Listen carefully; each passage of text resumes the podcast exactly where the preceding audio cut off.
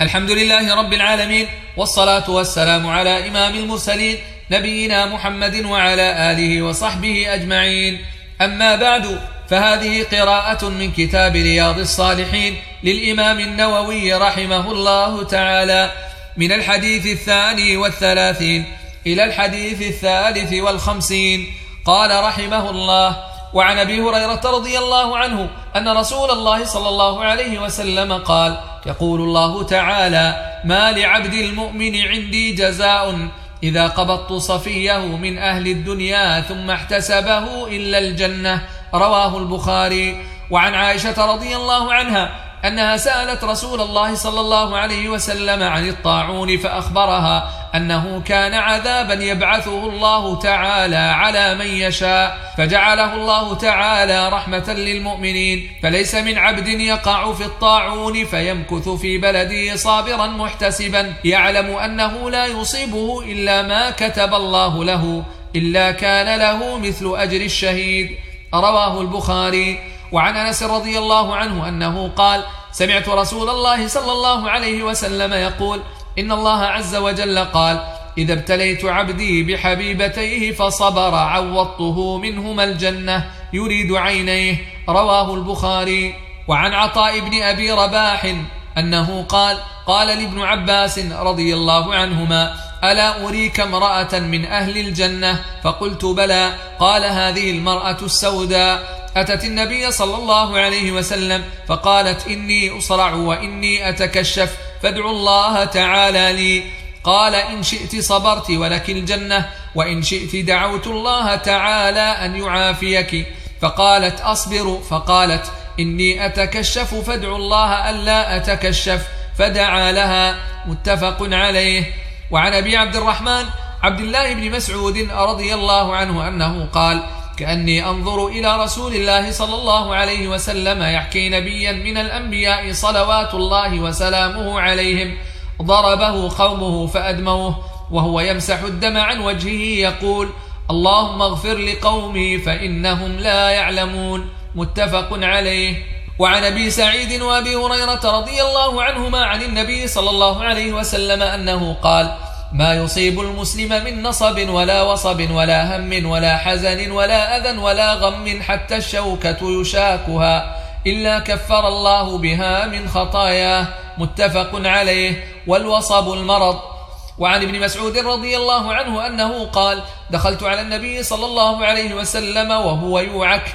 فقلت يا رسول الله إنك توعك وعكا شديدا قال أجل إني أوعك كما يوعك رجلان منكم قلت ذلك أن لك أجرين. قال أجل ذلك كذلك. ما من مسلم يصيبه أذى شوكة فما فوقها إلا كفر الله بها سيئاته.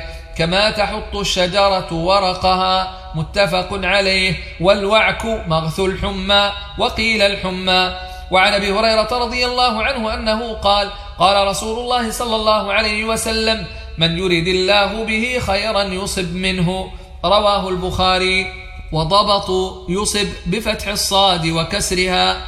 وعن أنس رضي الله عنه أنه قال قال رسول الله صلى الله عليه وسلم لا يتمنين أحدكم الموت لضر أصابه فإن كان لا بد فاعلا فليقل اللهم أحيني ما كانت الحياة خيرا لي وتوفني إذا كانت الوفاة خيرا لي. متفق عليه.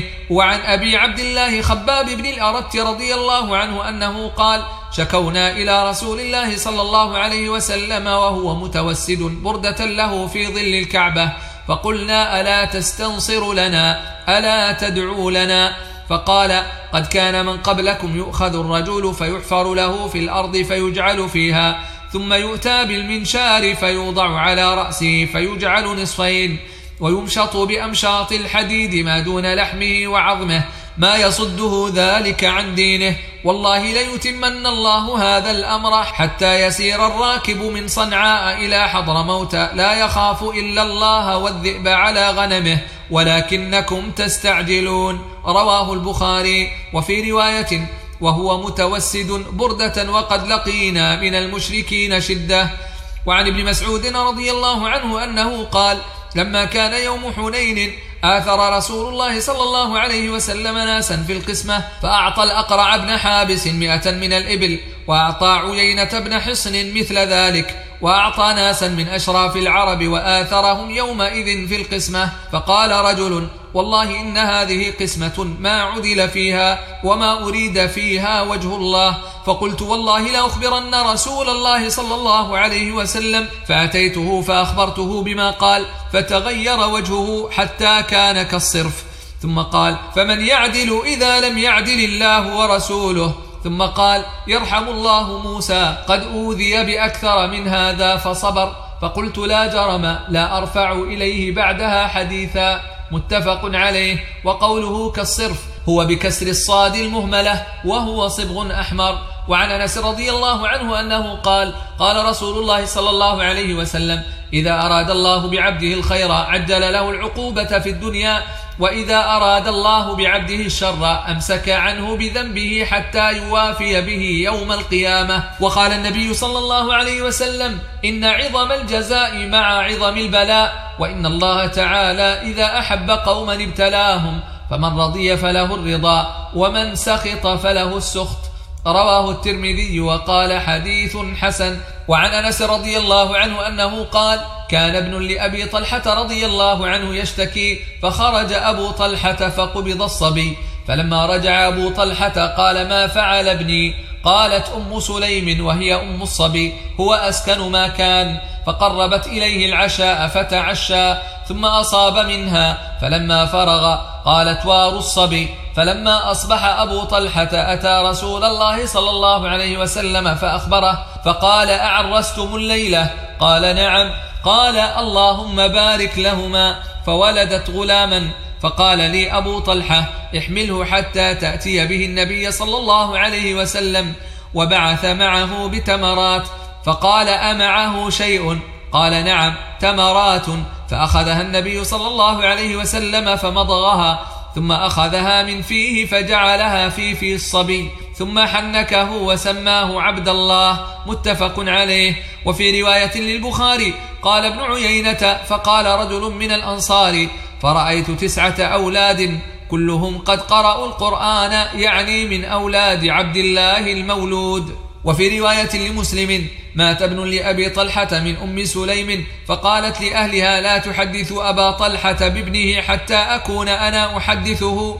فجاء فقربت إليه عشاء فأكل وشرب ثم تصنعت له أحسن ما كانت تصنع قبل ذلك فوقع بها فلما أن رأت أنه قد شبع وأصاب منها قالت يا أبا طلحة أرأيت لو أن قوما أعاروا عاريتهم أهل بيت فطلبوا عاريتهم ألهم أن يمنعوهم؟ قال لا. فقالت فاحتسب ابنك.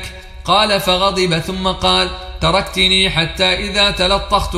ثم أخبرتني بابني فانطلق حتى أتى رسول الله صلى الله عليه وسلم فأخبره بما كان فقال رسول الله صلى الله عليه وسلم بارك الله في ليلتكما. قال فحملت. قال وكان رسول الله صلى الله عليه وسلم في سفر وهي معه. وكان رسول الله صلى الله عليه وسلم إذا أتى المدينة من سفر. لا يطرقها طروقا فدنوا من المدينة فضربها المخاض فاحتبس عليها أبو طلحة وانطلق رسول الله صلى الله عليه وسلم.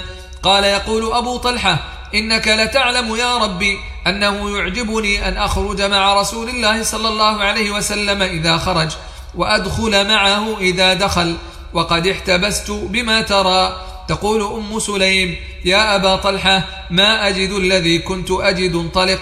فانطلقنا وضربها المخاض حين قدما فولدت غلاما.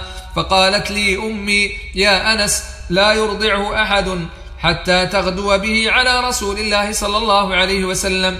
فلما أصبح احتملته فانطلقت به إلى رسول الله صلى الله عليه وسلم وذكر تمام الحديث. وعن أبي هريرة رضي الله عنه أن رسول الله صلى الله عليه وسلم قال ليس الشديد بالصراعة إنما الشديد الذي يملك نفسه عند الغضب. متفق عليه. والصراعة بضم الصاد وفتح الراء وأصله عند العرب. من يصرع الناس كثيرا.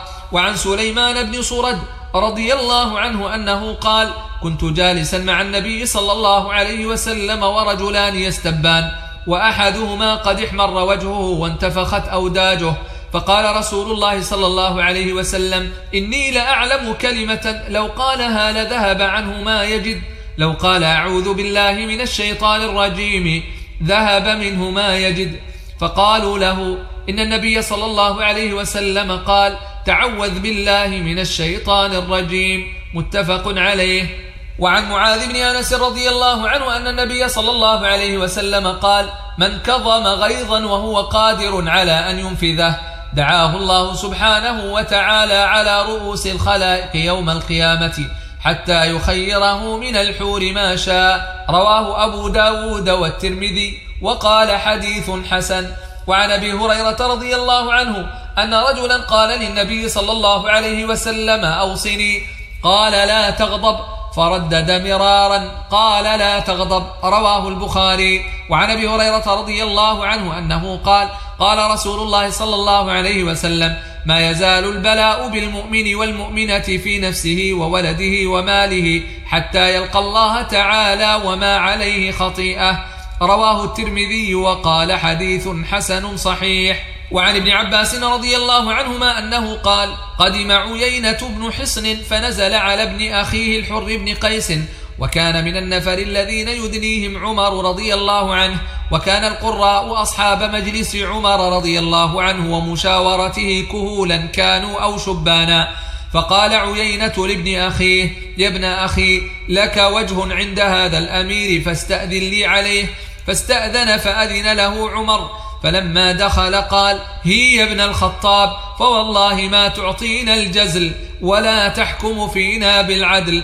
فغضب عمر رضي الله عنه حتى هم أن يوقع به فقال له الحر يا أمير المؤمنين إن الله تعالى قال لنبيه صلى الله عليه وسلم خذ العفو وأمر بالعرف وأعرض عن الجاهلين. وإن هذا من الجاهلين. والله ما جاوزها عمر حين تلاها وكان وقافا عند كتاب الله تعالى. رواه البخاري. وعن ابن مسعود رضي الله عنه أن رسول الله صلى الله عليه وسلم قال إنها ستكون بعدي أثرة وأمور تنكرونها. قالوا يا رسول الله فما تأمرنا؟ قال تؤدون الحق الذي عليكم وتسألون الله الذي لكم. متفق عليه. والأثرة الانفراد بالشيء عمن له فيه حق. وعن أبي يحيى أسيد بن حضير رضي الله عنه أن رجلا من الأنصار قال يا رسول الله ألا تستعملني كما استعملت فلانا؟ فقال إنكم ستلقون بعدي أثرة فاصبروا حتى تلقوني على الحوض. متفق عليه. وأسيد بضم الهمزة. وحضير بحاء مهملة مضمومة. وضاد معجمة مفتوحة.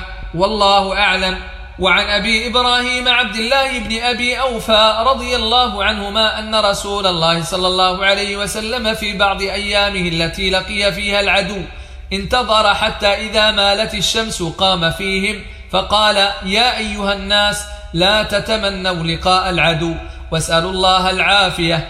فإذا لقيتموهم فاصبروا واعلموا أن الجنة تحت ظلال السيوف.